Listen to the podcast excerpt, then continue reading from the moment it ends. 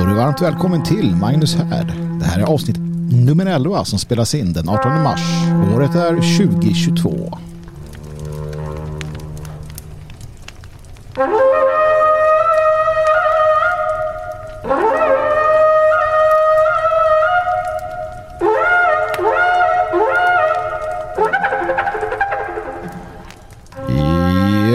Välkommen, välkommen ska du vara, kära lyssnare. Vad trevligt att ha med dig här. Sätt dig till rätta kring härden som är tänd och som sprakar. Du kan se den framför dig kanske. Jag brukar göra det ja, när jag sitter här och tänker att vi, vi egentligen sitter...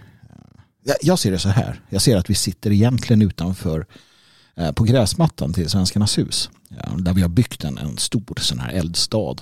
Det är där vi kan göra det här istället. Jag vet att det är på gång så att rätt vad det är vet ni, kommer det bli så. Äh, hoppas veckan har varit bra. Nu är den till ända. Och det är ju skönt då. Jag sitter här på mitt kontor i Svenskarnas hus eh, tillsammans med hunden som ligger här i sängen bredvid. Ja. härligt att ha fått ett litet tillskott här till arbetsstyrkan ja. och, och hem eh, till råga på allt. Det är trevligt med en liten fyrfota varelse där. Även om man kan vara lite påfrestande ibland. Det, det ska jag inte sticka under stol med. Va? det, det, det kan, han, det kan han definitivt vara. Men eh, trevligt är det i alla fall. Det blir ju ett program eh, idag också. Eh, det, det, är, det är liv och rörelse i Svenskarnas hus eh, kan jag berätta. Vi har ju årsmöte här eh, imorgon. Och sen tioårsfest. Eh, för att det var tio år sedan som undertecknad började hålla på med sån här radio, eh, podd eller vad det nu heter, Dan. Så, Dan är ju alltid så, så mm, kinkig med vad man ska kalla det för. Jag har mest bara pratat på här genom åren. Men tio år har vi hållit på. Så det kommer firas med en liten eh, sån här inga eh, fest här i huset och sådär. Det blir trevligt. Blir det, absolut. Men, men förutom det så, så, så, så, är det som vanligt, som det är mest. Vi kör på helt enkelt. Vem får se, det kanske blir tio år till. Ingenting som jag skulle ha något emot i alla fall. Det skulle vara rätt trevligt om det gick att fortsätta så här.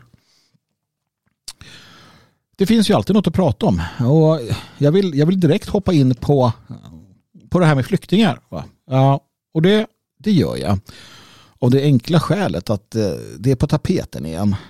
2014 var det på tapeten. Ja, igen, det, det, är väl så att jag aldrig kanske hoppade av tapeten. Men, men nu har det ju varit en del. Och, jag, och det, det handlar ju om det här Ukraina-kriget naturligtvis. Det spås ju, eh, såg jag nu, 200 000 till Sverige på några månader. Och generellt så pratar man om någon miljon eller två som kanske kommer fly iväg. Eh, med stor sannolikhet och förhoppningsvis eh, blir det väl ganska så ehm, kort tid. Eh, vi får, vi får ju verkligen hoppas och be att kriget tar slut. Så att, det kan, så att vi kan åter, så att landet kan återuppbyggas och människorna återvända hem. Men icke förty blir det en, en, en, knepig, en knepig tid framför oss. Och, och det väcker ju frågor naturligtvis på olika sätt och vis. om olika, på olika, om olika liksom, företeelser i samband med detta här. Um, och jag vill ta upp lite grann här. För att jag, jag, eh, jag för mig blir mycket är lätt för mig. Sånt som inte kanske är lätt för så många andra är väldigt lätt för mig. Det är för att jag har en ganska svartvin syn, svart, svartvin, svartvis syn på saker och ting. Uh, I grund och botten handlar det om ras för min del. Det mesta. Uh, ställningstaganden och liknande, det utgår ifrån eh, själva grundkonceptet ras. Och de här problemen som många har fått för sig nu då uh, är inte ett problem enligt mig. För att ja, jag ser det som ganska självklart. Så sån här frågeställning då, ska vi hjälpa ukrainska flyktingar? I, i det här fallet då kvinnor och barn. Kvinnor och barn och naturligtvis män som av olika skäl inte kan eh, vara en del av totalförsvaret i Ukraina. Ska vi hjälpa dem? Ja. Ja. och jag baserar det på något så enkelt som raslig solidaritet. Eh, vi har en gudagiven plikt att hjälpa flyktingar. Så är det bara. Det, det, det, går inte att komma ifrån det. det. Det duger inte att försöka problematisera det eller fundera kring det. Det är en gudagiven plikt att hjälpa flyktingar. Så länge de flyktingarna tillhör vår ras så finns det ingen diskussion. Då är det bara att ställa upp och göra så gott vi kan. Och, och det gör vi, vilket är intressant. För nu ser ni, eller hur, hur människor kommer ut som de rasister som de är. För det är de, för att de är programmerade till det. Främlingsfientlighet eller då rasism, eller vad du vill kalla det för, är programmerat inom varje levande människa. Det är bara så. Ja, och det är tydligt nu. Människor som öppnar sina hem helt utan att ha blivit tillfrågade för ukrainska kvinnor och barn skulle aldrig gjort det för naturligtvis människor från en annan del av eh, världen där de är rasfrämlingar. Och så är det. Det är så det fungerar. Raslig solidaritet. Det är alltså inprogrammerat i oss. För det är främ skillnad på främlingar och främlingar det här var ett, ett, en sak som jag tog upp under den, den här flyktingströmmen 2014 när det nu var också. Jag vet att många gillar att kasta Bibeln kring sig, kristna särskilt, de gillar att kasta Bibeln kring sig när det, när det kommer till detta. Alltså de kristna som vill översvämma Sverige med främlingar. Och säga att ja, men det står ju i Bibeln här att man måste ta hand om flyktingar och främlingar och så. Och det gör det. Som jag säger, det är en gudagiven plikt, en lag att ta hand om främlingar och flyktingar. Men man måste också veta lite vad som står innan du kastar runt saker. För det är de kastar runt översättningar som är felaktiga. Eller snarare vantolkade. För att om du tar Bibeln, vilket jag gör och ni som lyssnar säkert är intresserade av, och så tittar du på vad främling betyder. Främling, invandrare, flykting, det finns olika kategorier. Så uh, är det rätt tydligt att uh, man pratar om olika typer utav sådana. Det finns de du ska hjälpa, det finns de du ska ta hand om, det finns de du ska öppna dina hjärtan och gränser för. Det finns de du ska försörja, ta hand om som sagt. Och det finns också de du ska vara försiktig med.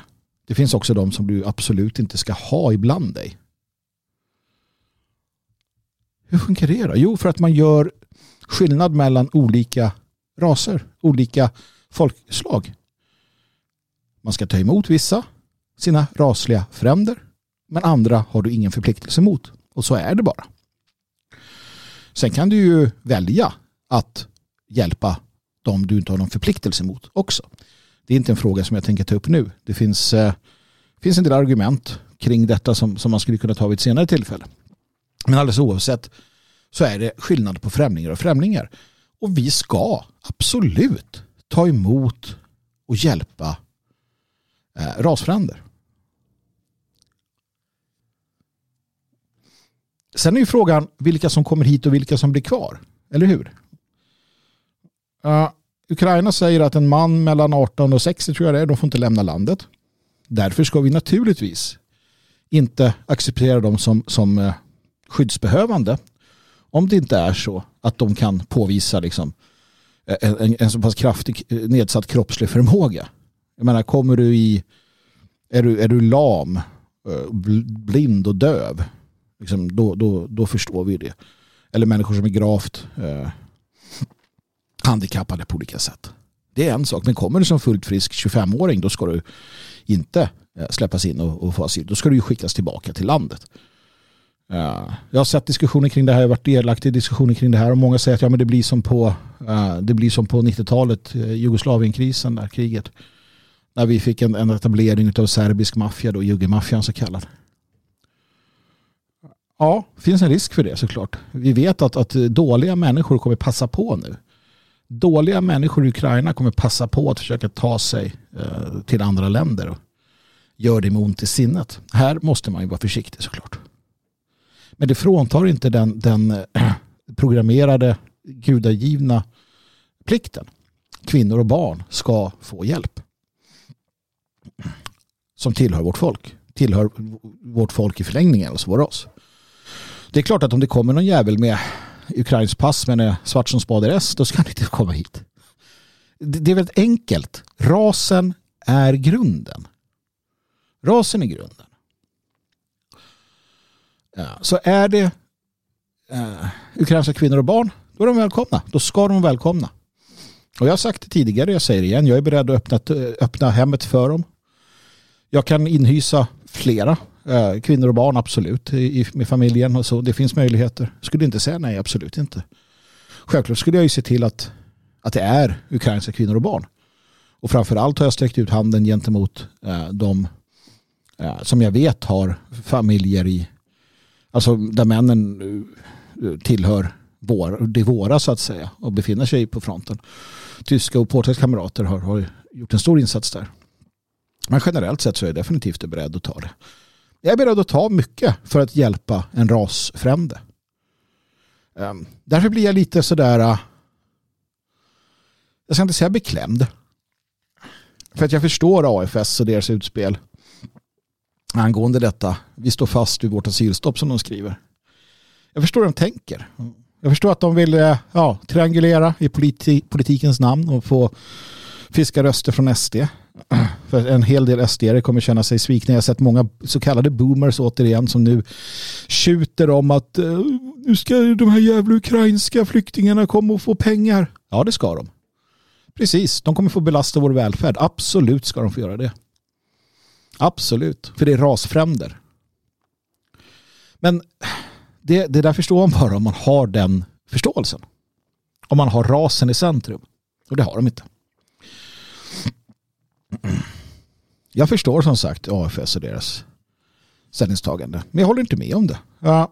Jag håller inte med om det annat än att, att de kanske har rätt till stor del. Ehm, det kommer bli väldigt svårt att få in 200 000 ukrainska Eh, kvinnor och barn. Det är, en, det är en utmaning för att använda ordet på ett, på ett sånt sätt. Absolut. Men återigen, jag ser inga alternativ om de nu kommer hit.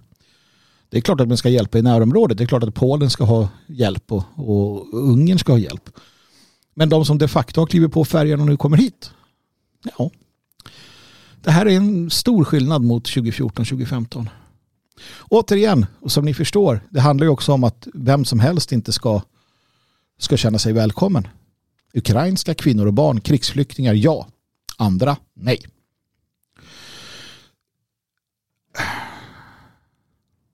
AFS ställer det frågor. Vart ska de här människorna bo? 200 000. Säg att det kommer 200 000 kvinnor och barn. Vart ska de bo? Ja, vi får lösa det. Här är jag beredd att säga som Markel. Wir schaffen das. Vi, vi löser det. Vi klarar det. Det är klart att vi klarar att ta hand om rasfränder som kommer och söker hjälp. På ett eller annat sätt så får det gå. Jag har redan förklarat för min egen son att eh, om det nu blir så att mamma och pappa och vi i familjen här tar, får ta emot människor, då kommer vår levnadsstandard gå ner. Vi kommer inte ha lika mycket råd att göra saker som vi kanske hade innan. Men det spelar ingen roll. För att vi hjälper våra fränder, rasfränder, kvinnor och barn. Märk väl kvinnor och barn. Han hade inga problem med det. Det är det som raslig solidaritet handlar om. Det är därför jag alltid understryker ras. Sen kanske det är en idealistisk syn. Då får det vara det. Jag är gärna idealist och romantiker. Frågan är också hur temporärt det blir naturligtvis. Utifrån en demografisk perspektiv så, så, så gör det inte, ingenting. I princip om vi får ett tillskott på kvinnor och barn. Det är ingenting jag oroar mig för. Det är inte afghanska ensamkommande så kallade flyktingbarn i 25-årsåldern. Um, så demografiskt så ser jag inga problem med det. Jag tänker inte ens säga, resonera kring det på något annat sätt. Jag tänker inte försöka se vinsterna i det. Men jag skulle ärligt talat inte säga nej till en miljoner boer från Sydafrika heller. Det, det, det, det, det här måste man förstå någonstans tänker jag. Folkutbytet är problematiskt även om det skulle vara en miljon boer eller 200 000 ukrainare naturligtvis. Och någonstans så, så vill vi ju bevara den svenska särarten. Så är det. Men eh, jag ser inget problem med det heller. Jag har inga jag har inga, inga eh, jag känner inga direkt orosmoln för att den svenska särarten försvinner om vi har 200 000 eh, ukrainare eller en miljon ukrainare i Sverige som kommer eh, i, i form eh, av flyktingar nu när det är krig. Jag, jag, jag är inte orolig för detta. Det jag däremot blir lite orolig för det är att, det är att, att sända ut signalerna som på något sätt jämställer flyktingmottagandet från krigets Ukraina med flyktingmottagande så kallade flyktingar från hela världen. Att det på något sätt är samma sak, för det är det inte. Det är det inte. In i DNA, det är inte samma sak. Så att eh, jag förstår som sagt trianguleringsprincipen.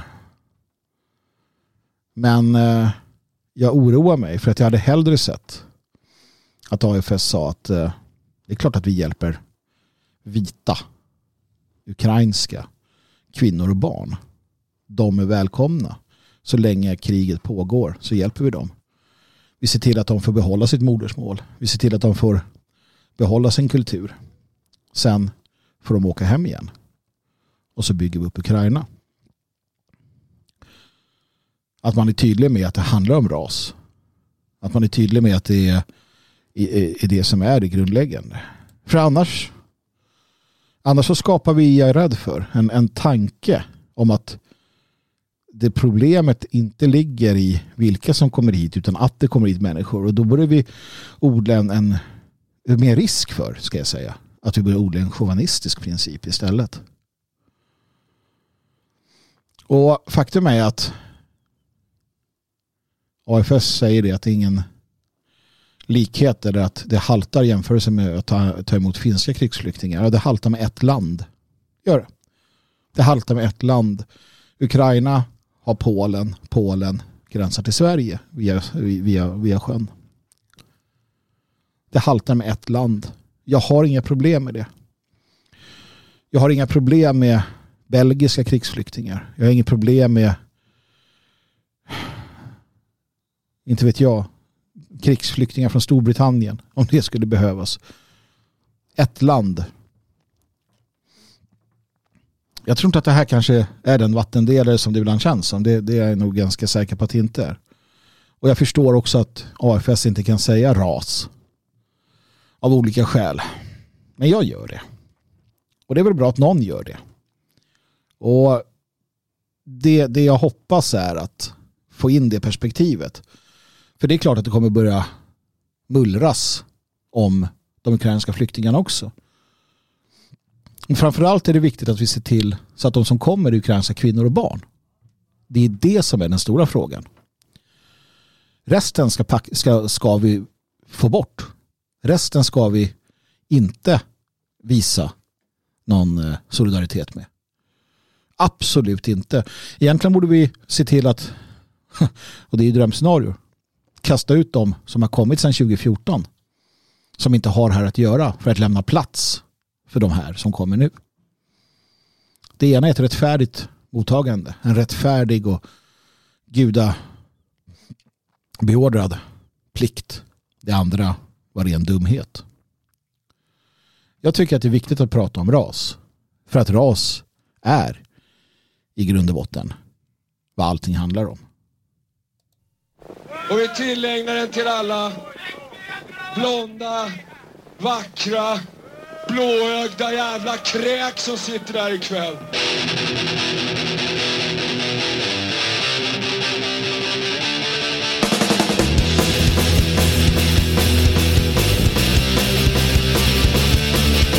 Hör upp nu alla svenskar, jag ska fatta mig kvar Och en annons och en grav sång det här och tror att de Sverige ska ta över Det är såna som honom som vi knappast behöver Med direkta fönster mot oss svensk monarkon Hur fan kan man som invandrare ta sig tull? Med ingångna svenska styre så är det helt okej okay. Att håna våra folk och förnedra dig och mig Det finns ingen som tvingar dig att stanna i vårt land Så ta första bästa plan och ge dig av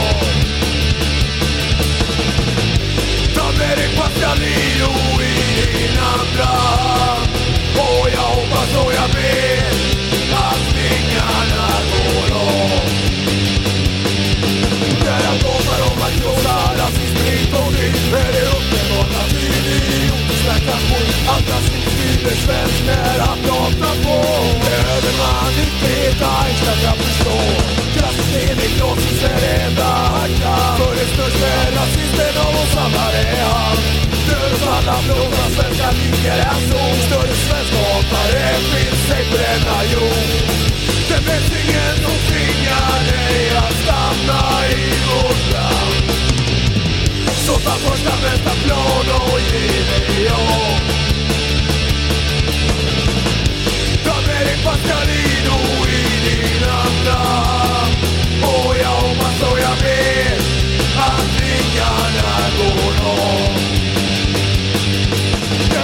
krav på har fått och att ståla borde slut Och några otacksamma svartskallar borde kastas ut De tar hus i helvete i maktens korridor Det är ju ett mot folket som kan kosta ett par år Men det är Mikael de som säger samma sak om oss Tittar Svea rikes lag mellan fingrarna förstås Och med sen så jag fick skriva om några dagar Skulle Mikael som kunna räkna sina dagar.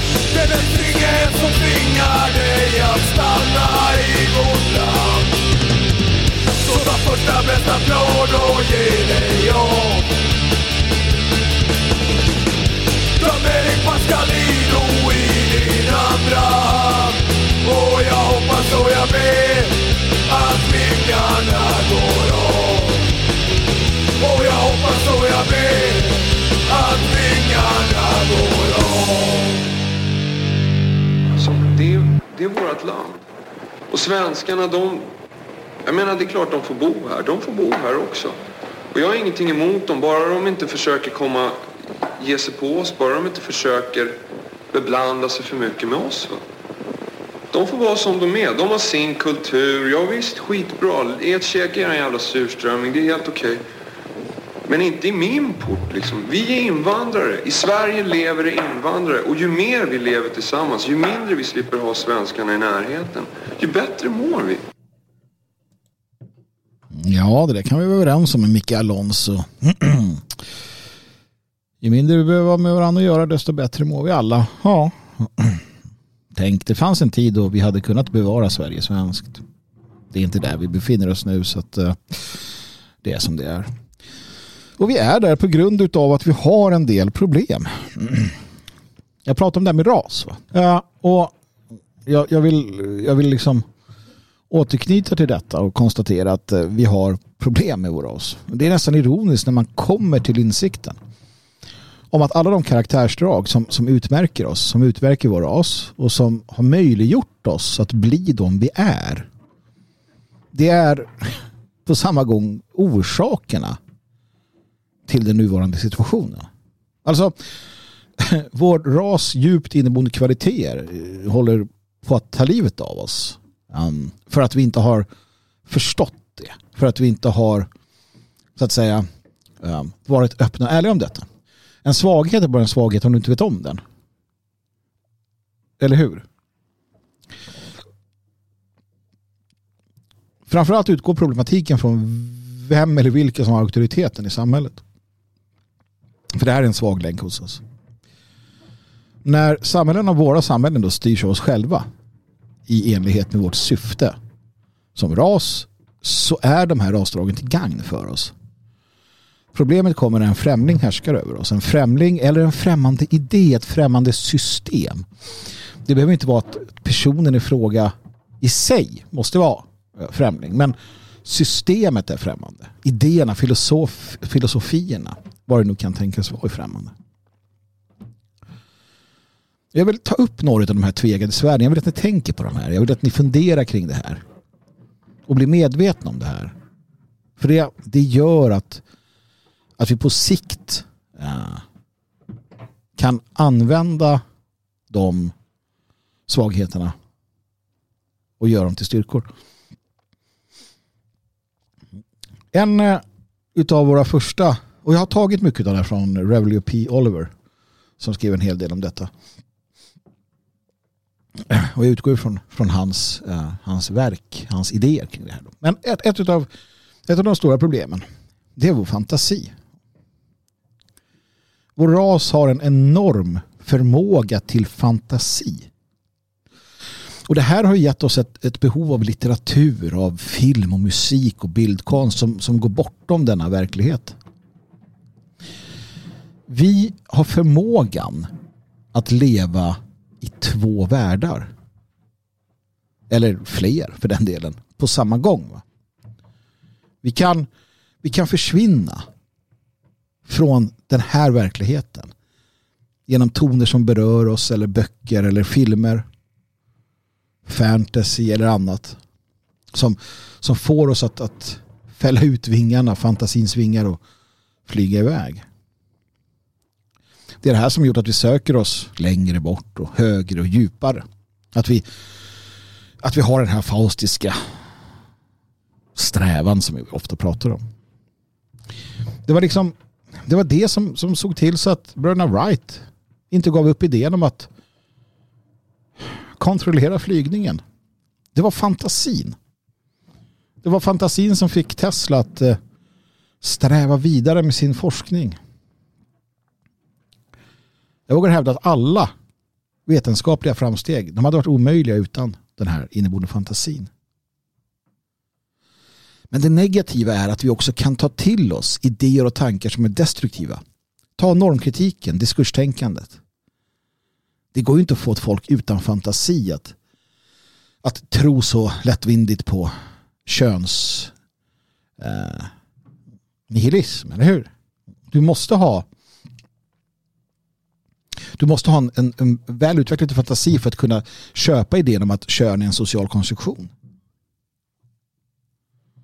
Och det blir också lättare att angripa oss på ett sublimt plan med just litteratur och konst och eh, film och musik. Alltså att, att förmedla negativa, moralt nedbrytande eller på annat sätt negativa föreställningar genom detta till oss. Det är alltså inte helt lätt för oss som ras att se vad som är fantasi och vad som är verklighet. Det är inte helt lätt eh, för oss att se vad som är bra, vad som är uppbyggligt. Och det kanske stora eller största problemet med vår fantasi det är att den får oss att tro att andra raser kan bli som oss. Att det inte finns några skillnader. Vi köper den idén för att vi har fantasi. För att vi har förmågan att göra hittepå världen verklig. Och det menar jag att vi, vi är ganska unika med. Att på det sättet vi gör det. Har det. Och det är ett problem. Naturligtvis en tillgång som jag sa. Men ett väldigt problem. Ett annat problem är hederskänslan. Om du tittar i den klassiska litteraturen så är den fylld av exempel på vår uppfattning om, om heder. Speciellt i krig. Och även om inte såklart verkligheten alltid stämde överens med filosofin eller idéerna så, så har de likväl påverkat oss. Och, och om du är genomsyrad av idéer så kommer det såklart också påverkas i det verkliga livet. Men idéer som att behandla besegrade soldater med respekt, det är en sak som vi har. De ridderliga idealen. Ja, sådant som nåd, trohet, rättvisa. Det har liksom varit fixpunkter. Både i krig och fred. Och det är den här hederskänslan som gör att vi ryggar tillbaka inför fusk inom idrotten. Eller att vi skyr verkligen pöbens besinningslöshet. Och det är jättefint. Det är jättebra. Men det blir ju en hämsko för oss. När vi delar territorium med människor som överhuvudtaget inte känner på det sättet. Att vara ridderlig mot den som saknar ridderlighet gör oss bara till ett offer. Intressant. Att vara ärlig mot den som ljuger. Att, eh, att liksom köra med rent spel mot den som fuskar, då förlorar du.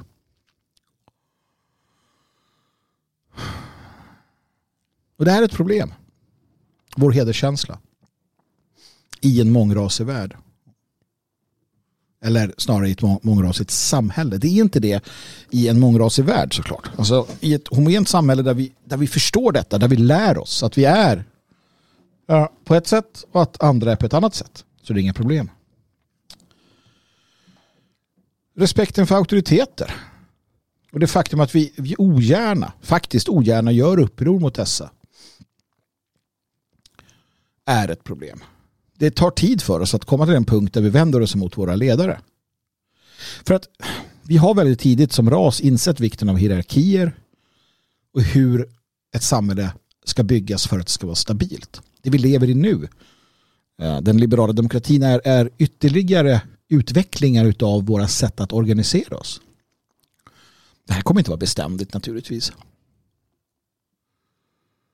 Men det har också gjort att vi har blivit väldigt toleranta. Och så länge våra ledare är goda, de har folkets bästa i åtanke så är det här ett karaktärsdrag som är till gagn. Men när vi står under främmande välde av något slag, ja, då blir vi väldigt bra undersåtar. Inte nog med att vi inte gör uppror själva. Vi ser också till så att fridstörare trycks ner. Det är därför vi inte behöver den, den, den här kinesiska formen av social kontroll på samma sätt i Sverige. Eftersom att vi hjälps åt att trycka ner varandra. Och även om eh, vi på många sätt har brutit oss ur hur det har sett ut de senaste årtiondena så finns det där kvar. Och det finns vilande och latent.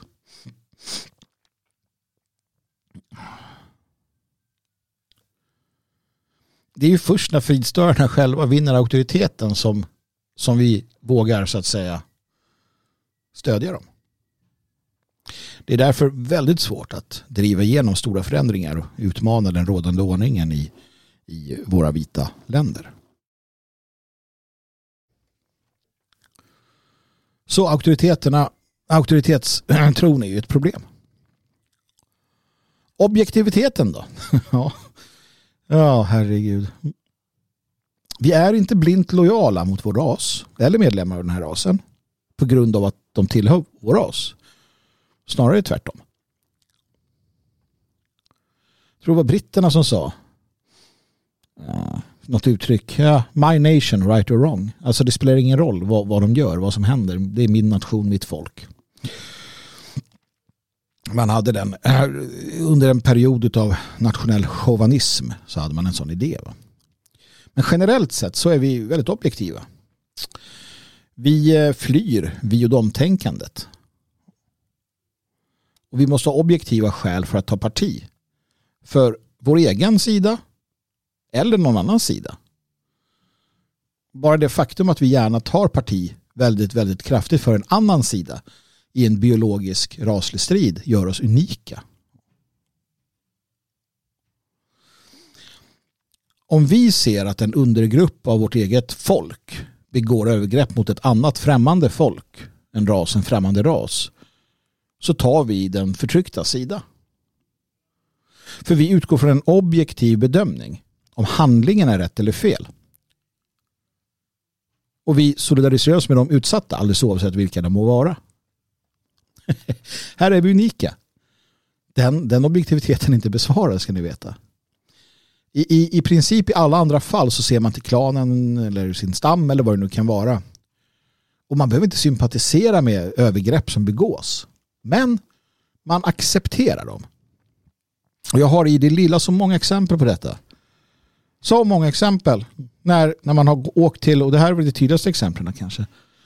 Förr om åren när vi Eh, såg till att sluta upp och uh, visa stöd till unga flickor som hade våldtagits eller blivit utsatta för brott av utlänningar. Så åkte vi till rättegångarna. Och där kunde man se hur, hur mormor och mammor och pappor och, och hela tjocka släkten till de här uh, utlänningarna då som hade kanske våldtagit en tjej. Hur de slöt upp bakom honom. Bara att nej, men det, liksom, det spelar ingen roll när de hörde vad han hade gjort. Det är så här, nej, han är en av oss. Liksom. Han, är, han tillhör oss och då, det spelar ingen roll vad han gör med den här andra människan. Och Det är därför också det är så brutala krig som vi ser. Att, eh, Att man liksom inte ser på, på varandra på det sättet. Och problemet kommer ju då när vi ser objektivt på saker och ting och kastas in i en värld av subjektivitet. Vi kommer aldrig få igen det vi ger. Och det betyder inte att vi ska sluta vara som objektiva som vi är, men vi ska sluta vara lättlurade. Det kommer väl också snart. Problemet är att vi tror att alla är som vi, återigen. Vår fantasi gör oss tro, en, det. Vi tror att alla är objektiva som vi. Vi tror också att eh, alla är medkännande och generösa som vi. vi. Vi har en stark motvilja mot att orsaka smärta och lidande om det inte är nödvändigt. Och vi har mycket svårt att tillåta att sånt sker utan att lägga oss i. Och Det här gör att vi alltid kan identifiera lidanden som vi vill lindra eftersom vi anser oss ha möjlighet. Utlandsbistånd och ekonomiskt bistånd till föreningar som ska hjälpa utsatta till i världen och, och så vidare. Det är ett uttryck för den här medkänslan. Det är inte alla som delar den, ska ni veta. Än idag finns det samhällen där tortyr och mänskligt lidande ses som ja, något roligt eller bara man bryr sig inte. Vi har kunnat se det från vissa länder där man kanske då trär ett eh, bildäck över axlarna, armarna på en person som är ogillad av stammen eller gruppen. Ja, och häller bensin eller diesel över det och tänder på och så skrattar man. Medan den här stackars människan springer runt och vrider sig i plågor. Det, det är så. Det blir en folkfest. Man kan, man kan se det från länder där lemlästning och offentliga avrättningar är ett familjenöje. Man, man går dit allihop och sen av med en hand där, av med en arm där. Och, och vad tror ni händer om man visar medkänsla? Tror ni att den medkänslan som vi har mot framförallt våra egna men som då speglas att den på något sätt blir given oss tillbaka? Så är det ju inte. Och det är därför vi har de problem vi har. Det är därför det ser ut som det gör.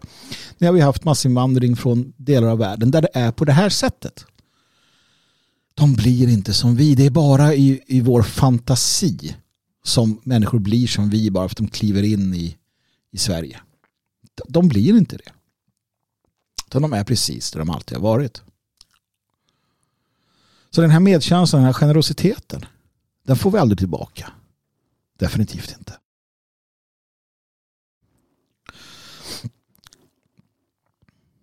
Offerviljan. Ja, det är också en sån där sak. Det här karaktärsdraget sträcker sig långt bortom nödvändigheten att vara beredd att offra sin personliga frihet eller sitt liv, um, sitt folk och för sin folk och sin ras. Alltså, det går ett steg längre hos oss, offerviljan. Alla har offerviljan i, i sig på det sättet. Ja.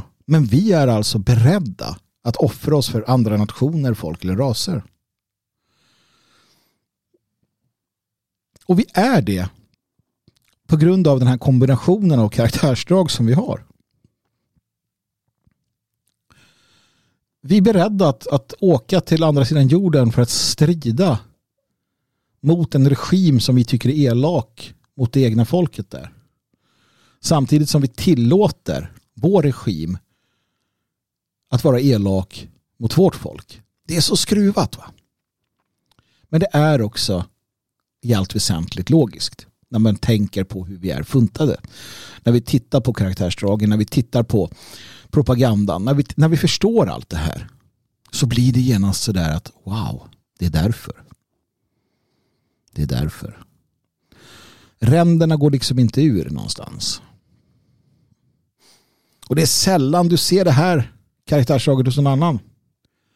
Att de är beredda att offra ens en eh, sekin för något annat folk. Men vi, vi gör det överallt. Många tror till exempel att eh, hela den här tiden då vi koloniserade världen, att det, det, det bara handlade om att eh, suga ur naturresurser. Det gjorde det inte. Det är klart att det fanns ekonomiska tankar där, men, men i grund och botten drevs det faktiskt utav en Dels har vi idén om att de, de kan ändå inte sköta om de här. Alltså de kan inte utnyttja naturresurserna fullt ut så att då gör vi det åt dem. Men också att sprida ljuset, att sprida civilisationen. Där har vi det här stora misstaget man gjorde. Trodde att man kunde göra det. Och det finns exempel. Eh, jag vet att Trevor P. Oliver tar upp det här vid något tillfälle. Han, han berättar om hur de brittiska kolonisatörerna kom till någon afrikansk by, sa hej, eh, släppte av några präster, för det var ju de som så att säga gjorde det här först, först och främst, släppte av prästerna. Eh, och sen så rullade man iväg vidare, eller ja, tog sig vidare med fartyget kanske då. Tänkte man att vi kommer tillbaka på ett halvår, så har de kristnat byn och allt i frid och fröjd. Så kommer de tillbaka efter ett halvår, frågar vad fan är våra präster? Eh, de har vi ätit upp. Jaha, har man ätit upp prästerna förstår ni? Det var som fan. Vad gör vi nu tänkte britterna. Ja, de bombade byn sönder och samman, sköt sina kanoner, eh, torterade några stycken, hängde dem, piskade dem eller vad det nu kan ha varit och sa att ni är fan i att äta våra präster. Så lämnar man ett gäng präster till och åkte därifrån. Och när man kom tillbaka, ja, då hade man kristnat byn. Och det var frid och fröjd. Återigen, man behöver inte tycka om själva, själva äh, agerandet eller så. Men det handlar om att det fanns en förståelse då. Okej, okay. vi, vi, vi försökte göra på ett sätt. Ja, vi försökte göra som vi hade gjort om vi hade kommit någon annanstans. Vi, vi befinner oss på olika utvecklingsstadier civilisatoriskt sett. Det måste vi köpa. Det måste vi förstå. Och återigen att att ta emot människor från vårt närområde det, det, är inget problem. Eftersom de människorna kan bidra till vår infrastruktur till eh, olika aspekter av samhällslivet. Men tar du emot människor som befinner sig på en annan civilisatorisk utvecklingsnivå ja då går det inte. Då blir det knas. Vilket vi har kunnat se.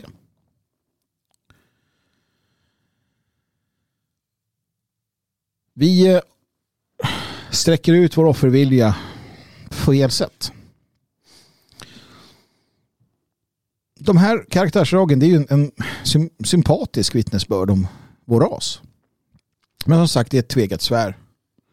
Vi måste, vi måste förstå det fullt ut.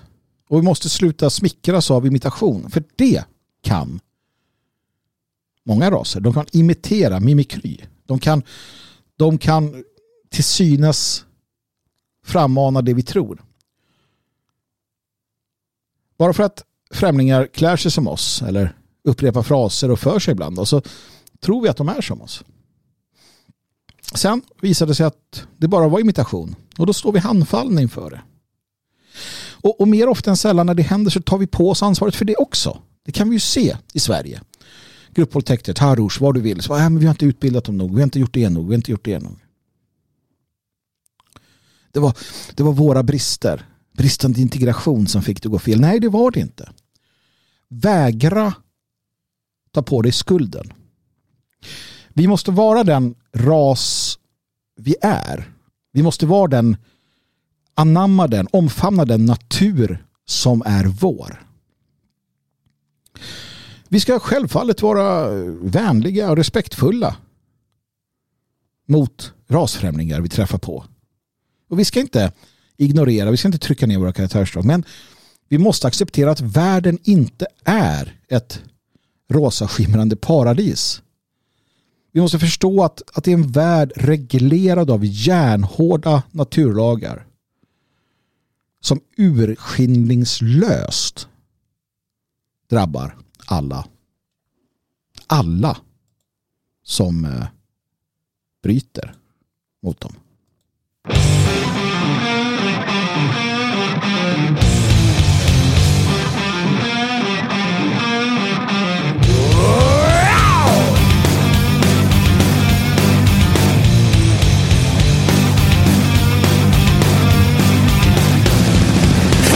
come in the midday sun. Rebels and everyone. Killers, thieves, batters streets, swaggering through town in the midday heat. They rush with they coming close. This army.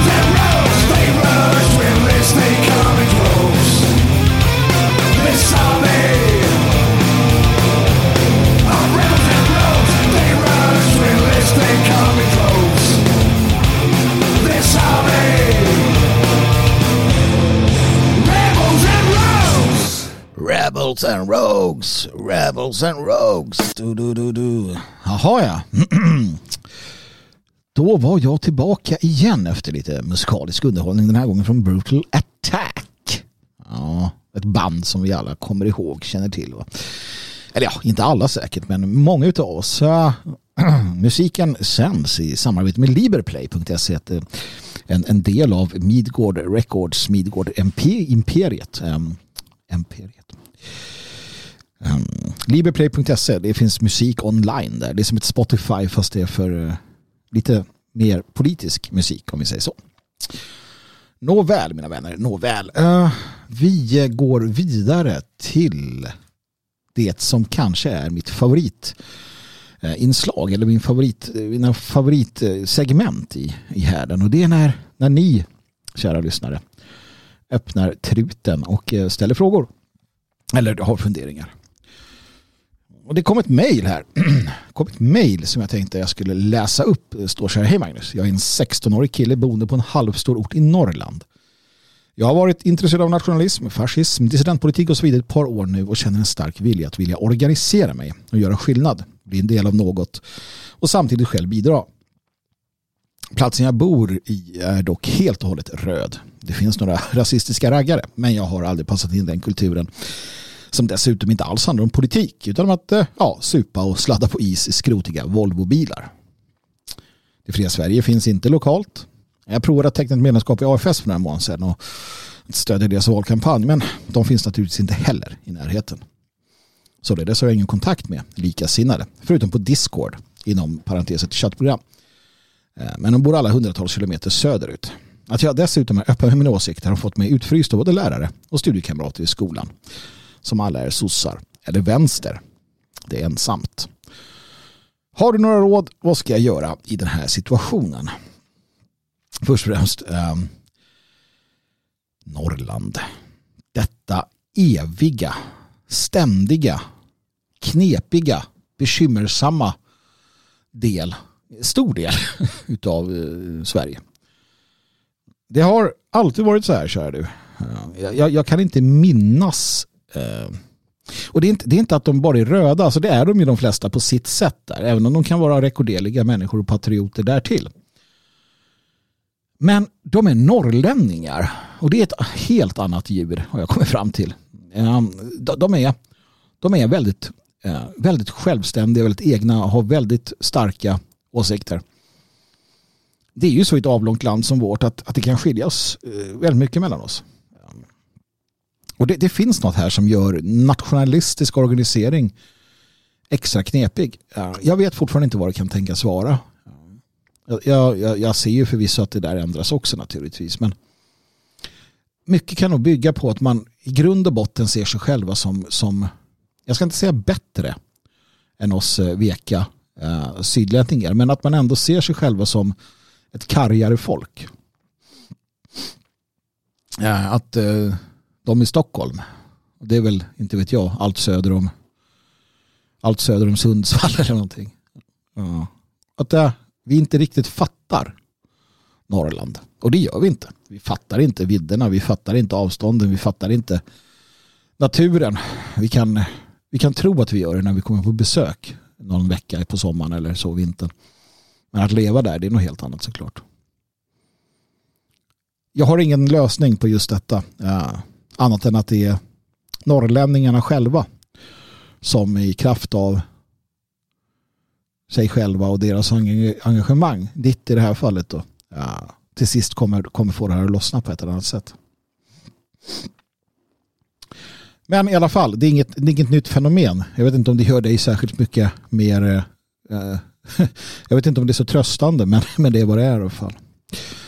Men alldeles oavsett ska du veta att du är på rätt väg och du är inte ensam. Det flesta Sverige har medlemmar i Norrland. Vi har många medlemmar i Norrland. Men det är som sagt väldigt stora avstånd och det är inte, det är inte alls den, den koncentration av uh, eh, medlemmar. AFS har naturligtvis också medlemmar. SD har det och så vidare. och så vidare. Men, men det är en annan typ av liv såklart med, med, med allt vad det innebär. Men du är på rätt väg. Du är inte ensam. Det är kanske det viktiga. Och för dig handlar det om att på något sätt hålla liv i viljan när möjligheten är begränsad. För den är begränsad i form av, av då kontaktnät som du säger, ekonomi naturligtvis och ålder. Du är 16. Det innebär att du har väldigt begränsat rörelseutrymme nu och några år framöver. Eh, av, av framförallt de skälen. Jag vet inte alls hur du har det hemma och hur, hur föräldrarna ser på detta. Men generellt sett så, så är det ekonomin sätter gärna stopp och ja, åldern, det faktum att man egentligen inte bara kan göra som man vill. Va? Och det är helt rätt. Så att um, det, det, det, stora problemet och det, din stora uppgift någonstans blir ju att hålla ut. Um, att hålla liv i den här viljan. Och visst är det så att man inte kanske passar in med, i det här fallet då, raggarna. Och gör du inte det så gör du inte det. Um, helt enkelt. Men jag råder dig att vad du än tycker och känner om deras livsföring så håll dig väl med dem. Alltså eh, se till att underhåll eh, relationer. För att det är ofta ganska enkla människor i det att de inte de är, de är, de är fyrkantiga och hårdhudade på sitt sätt. De, eh, gillar de dig så gillar de dig. Och då, då finns de där på något sätt. Va? Ja, och du behöver ju inte dras med i deras eh, liksom, eh, härj. Och du behöver ju inte heller känna att du på något sätt måste omvända dem till, till någonting. Utan de gör det de gör och du gör det du gör. Men det är bra med allianser. Det är bra med allierade. Det är bra med, med människor och känna dem. Det är bra att de vet att du är du och att du är en en, en schysst kille liksom. Man vet aldrig när det kan vara viktigt.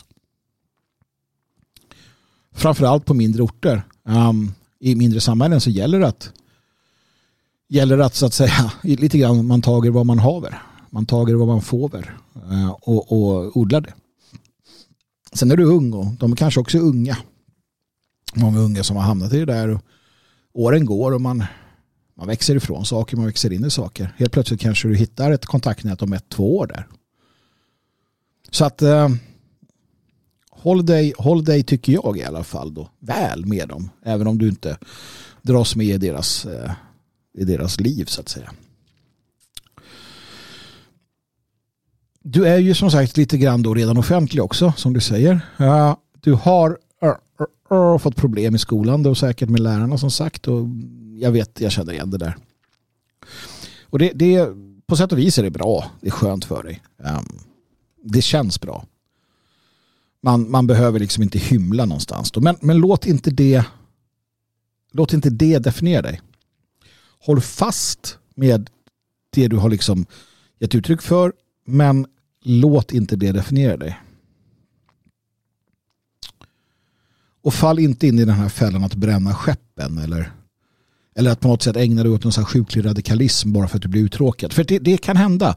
Som sagt, du ska hålla lågan levande ett par år till här innan du får fullt, frihets, eh, fullt utrymme att kunna gå vidare. Så att det är lätt, gud vad det är lätt att hamna i en, en sån här en osund radikalisering. Alltså då pratar vi en så kallad radikalisering att, att man börjar av, av frustration och andra skäl eh, drömma sig bort i fantasier. Vi är ju som sagt väldigt duktiga på det. Så det, det, det råder jag dig att undvika. Jag kallar det för sjuklig radikalism. Och framförallt så vill jag att du aktar dig för eh, det är bra att du är på, på nätet, Discord och sådär. Det är jättebra och håll de kontakterna vid liv med bra människor. Men fly och sky som pesten. Eh, alla som vill prata om, planera eller på annat sätt framhäva våld, vapen och någon form av tramsig nationalsocialism i dessa forum. Håll dig långt borta från dem. Vi har sett för många som har hamnat i problem för att man har lockats med och dragits med i jargonger och, och annat som eh, har övervakats. För som sagt, det är lätt. Det är så vansinnigt lätt i dessa tider att rusa åstad. Tro mig, jag har gjort det. Jag gör det fortfarande. Man, man blir frustrerad, man blir arg, man ser något hända och tänker man borde bara dra fram en och så liksom, ja, rullar det på. Och risken är att man säger det vid fel tillfälle till fel personer. Sen har man problem. Och vi behöver dig, kära du. Vi behöver dig. Uh, inte i form av ännu en sån som har hamnat liksom i klorna på systemet utan vi behöver dig stark och frisk och fri.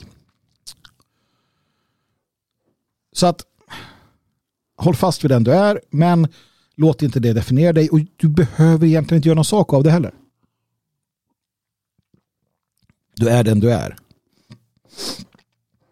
Och eh, så är det med det. Din fråga är, ska jag svara på lite mer eh, ingående? Alltså, vad kan du göra för dig själv i förlängningen blir det för folket?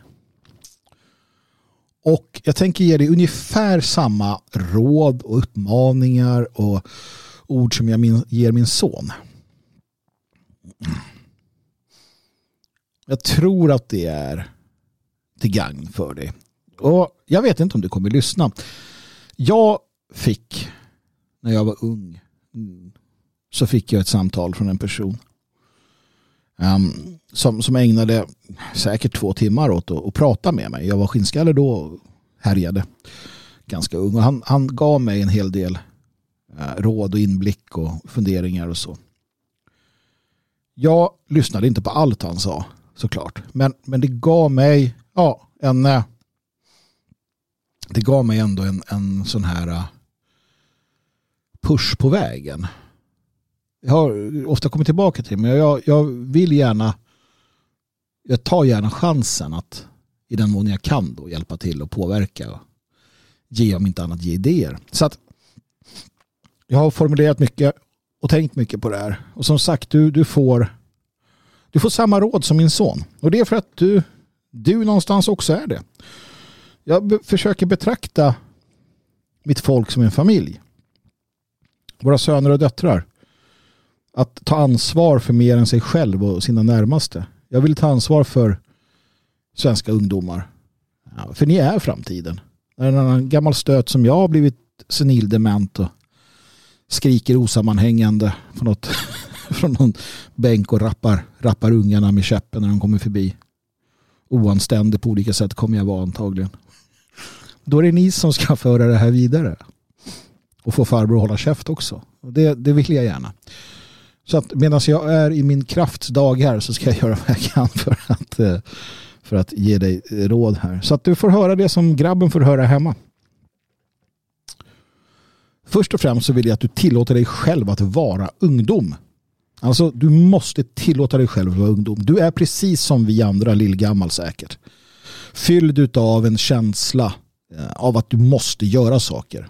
Det är helt rätt. Jag, jag förstår dig, jag har själv varit där. Men du måste tillåta dig att vara ungdom. Inte vara äldre än du är. Va? Och framförallt så måste du förstå att bördorna som du ser som behöver bäras inte ska bäras av dig just nu. Du ska inte bära de bördorna just nu. Utan det är upp till sådana som mig och andra att bära de bördorna. Du ska förbereda dig. Så att när du behöver ta dem så ska du göra det på ett galant sätt. Och det här är sällan kul att höra. Att du inte ska rusa åstad utan att du ska göra precis tvärt emot. Men så är det. Och det är inte mycket att göra åt. Så var ungdom och känn inte att bördorna du ser måste bäras av dig. Däremot så ska du använda den här tiden du har till förberedelse. Det betyder att du måste inventera dina förmågor, dina styrkor och dina svagheter. Vad har du för förmågor? Vad kan du? Vad är du så kallat en naturbegåvning för? Där har du en där har du något att jobba vidare på. Det kanske är en, en, eh, ja inte vet jag, det kan vara vad som helst men där ser du att okej, okay, här kanske jag har en ingång till en karriär. För det ska du ha en. Vad har du för styrkor? Se vilka de är och jobba vidare med det såklart. Men framförallt svagheter. Vad har du för svagheter och hur gör du de svagheterna till dina styrkor? Det här är viktigt och det kräver mycket kapacitet, tankeverksamhet och tankekapacitet. Och du har några år på dig nu att grundlägga riktigt bra rutiner, riktigt bra grund. Gör inte som jag där. Att du vaknar upp 44 år gammal och liksom fan jag måste ta ett med det här för att nu ligger jag illa till annars. Jag har levt på vilja förstår du så länge. Vilja och trots. Men till sist så, så så tar det liksom emot när du har när du har missat halva existensen som är du då. Jag pratar naturligtvis om, om, om här då en sund kropp i en sund själ som ska skapa ett sunt samhälle. Du har de två aspekterna av det. Det själsliga, den själsliga aspekten, det intellektuella, det kognitiva då. Och kroppen, fysiken din. Där har du nu, kära du, möjligheten att lägga grunden du kommer, om du gör rätt, att bli en övermänniska. På riktigt. Det är inte särskilt svårt idag heller. Det gäller bara att vara lite bättre än alla andra och väldigt många är inte särskilt bra. Och jag menar inte en övermänniska i någon tokig nietzscheistisk eh, feltolkad idé om att du ska utan det handlar om att du ska bli en utav de riddarna som rider vidare. Som tar på dig, när du väl är vuxen nog, tar på dig bördorna, världens bördor och lämnar ett avtryck för den rasliga historien. Och det börjar nu. Så du inventerar dina förmågor, styrkor och svagheter. Du blir bättre på det du är bra på och du vänder svagheterna mot dig. Om du lägger grunden rätt så kommer du göra schackmatt om några år alltså. Och, och det du ska tänka på utbildningen för att bli egen, alltså egen företagare, egen, du ska stå på egna ben.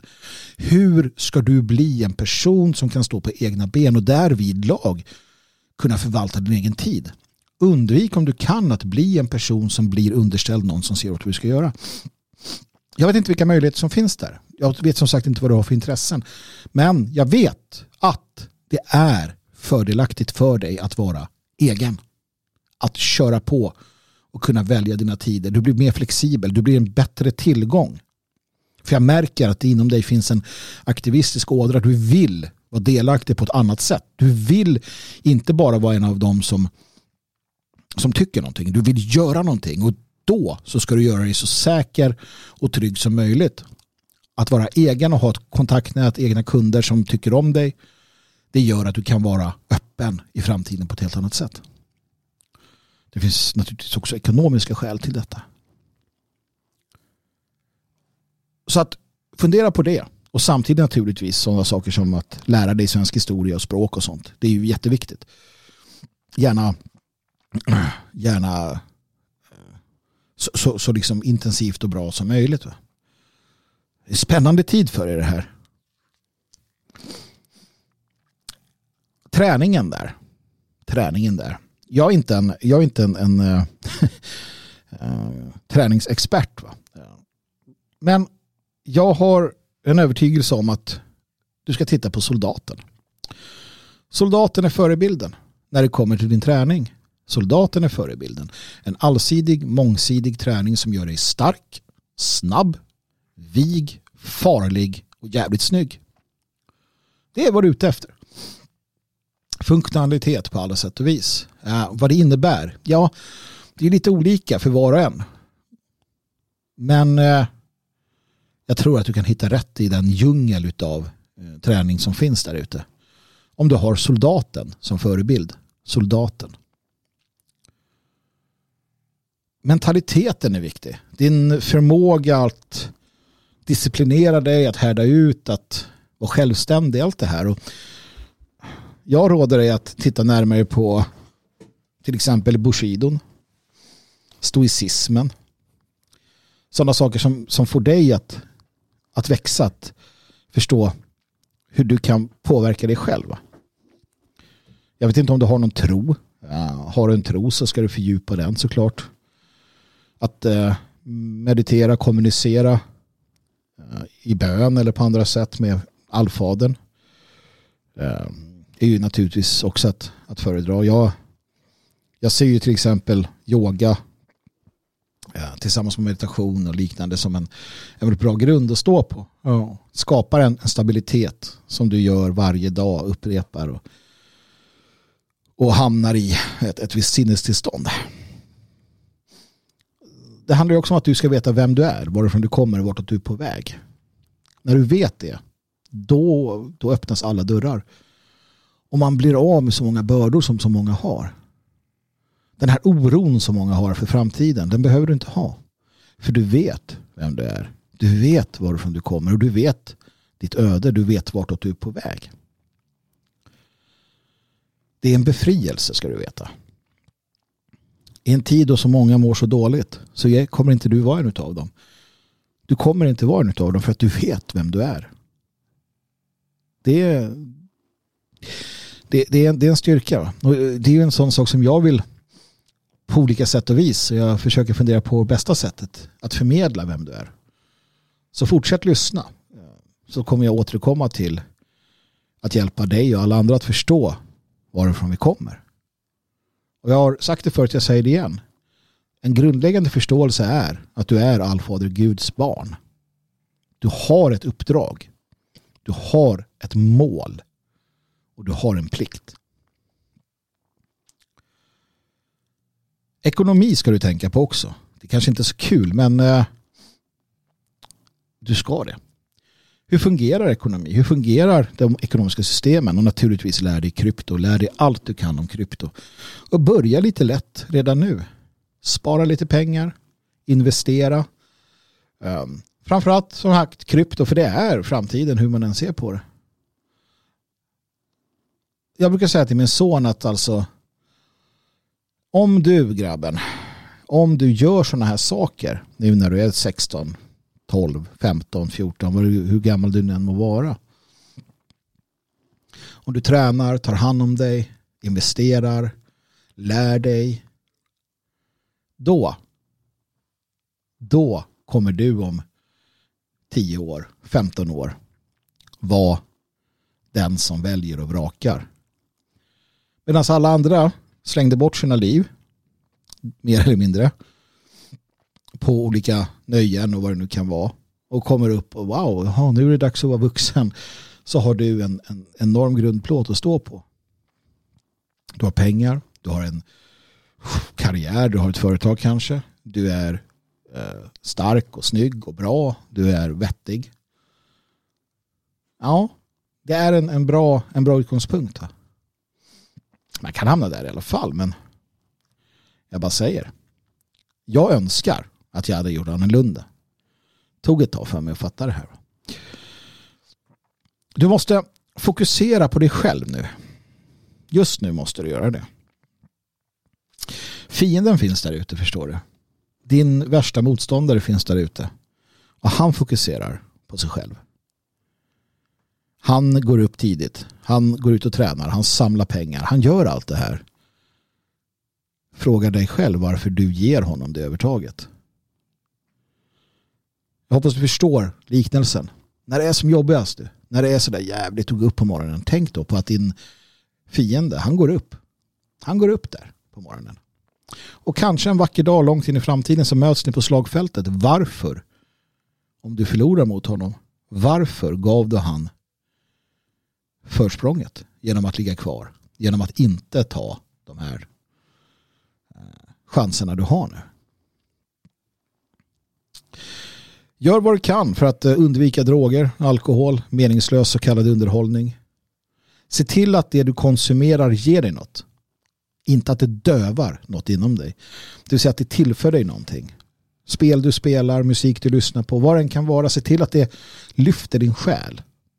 Att det gör dig glad, att det gör dig intresserad, att det gör dig på något sätt hjälper dig att gå framåt. Sky allt som får dig att må dåligt på det sättet. Om det inte är nödvändigt. Vissa saker måste man överkomma. Om du tycker att det är jobbigt och jävligt att träna eller äta rätt eller vad fan det nu kan vara så måste du ju överkomma det. Men sky snusket, sky eländet och, och skapa en annan grund för dig själv rent mentalt. Återigen, när du, när du kliver ut där som 25-26-åring om tio år så är du en helt annan människa. Du är någonting som, som är ett unikum. Och det kommer, det kommer utan tvekan gagna dig. Och du skapar en, en, eh, en, en, en, en liksom möjlighet för dig själv men också för oss andra. Du blir en riktigt bra tillgång. Så droger, alkohol, skit dit bara. Det är meningslöst. Jag lovar. Jag lovar. Det är meningslöst. I grund och botten alltså, bli stark, bli smart, bli snygg, ekonomiskt sund. Försaka saker nu och skörda sedan. Och varför? För din egen skull? Ja, det blir ju det naturligtvis. Det kanske känns som att vad fan sitter du här och uppmuntrar till liksom förverkliga dig själv? Ja, delvis gör det. För målet, det mål du har skiljer sig från många andra. Det målet är att bli en bra man. En bra make och en bra far. Ja, du är 16 men du ska tänka på det nu. En bra man är en nationell aktivist. Det är en person som tar ansvar. Det är, det är en person som är beredd att tjäna det större syftet. Som tar ansvar inför den um, som tar ansvar inför det uppdrag han har fått att förvalta. Så bli en bra man. Och naturligtvis en bra make och far. Och ju bättre du lägger grunden för dig själv desto mer har du att vraka och välja mellan när det kommer till eh, att skaffa ett, en, en, en kvinna i framtiden. Se till att ha allting. För då kan du välja istället för att vara tvungen att bli vald. En bra man, en bra make och en bra far. Ett tips kan vara att eh, på olika sätt engagera dig i samhället redan nu. Eh, jag vet att det finns något som heter försvarsungdomen eller försvarsungdom till exempel, gamla FBU där du kan eh, från 15 års ålder så du kan hoppa på det redan nu. Um, bli en del av och lära dig kring Försvarsmakten. Ehm, det finns ju en stor chans eller så att du kommer bli um, när du blir 18 att du blir inkallad.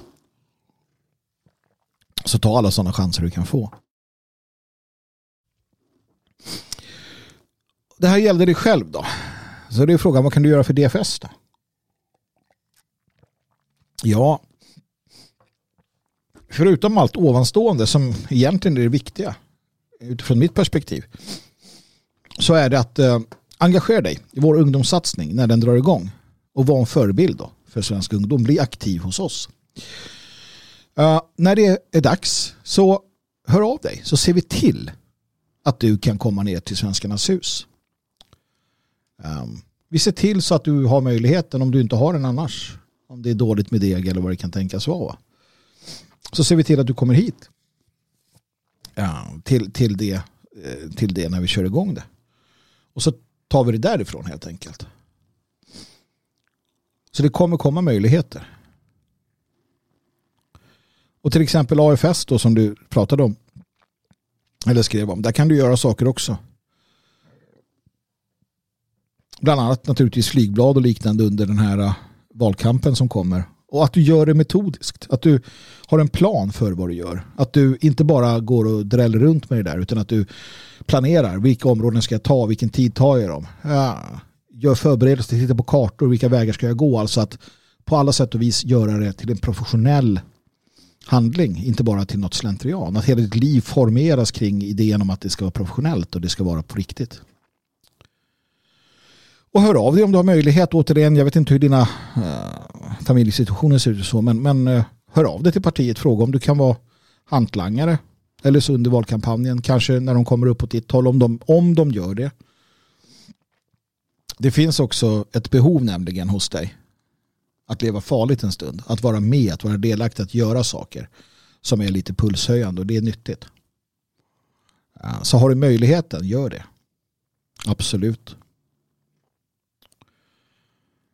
Det var vad jag hade att erbjuda i form av eh, råd till den svenska unga mannen. Jag är glad att du hörde av dig. Glad att du lyssnar. Jag tror inte att min, eh, större min publik eh, är i det åldersspannet. Men eh, jag hoppas att du har fått någonting till livs och jag hoppas att du hör av dig. Um, och att eh, du kommer fram och säger hej när vi får tillfälle att träffas någon gång i framtiden. Med det mina vänner så ska jag eh, lämna er för denna vecka. Jag vill tacka Mattias och Johan som har eh, swishat in donationer till 123 510 5762.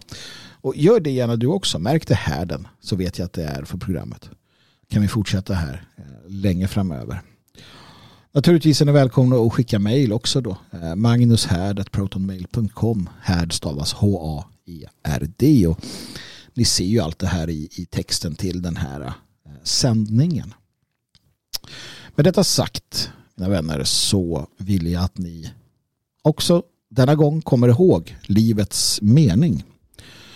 Slåss med troll, befria prinsessor, döda varulvar. Det är att leva. Och sist, men inte minst, Ge aldrig upp.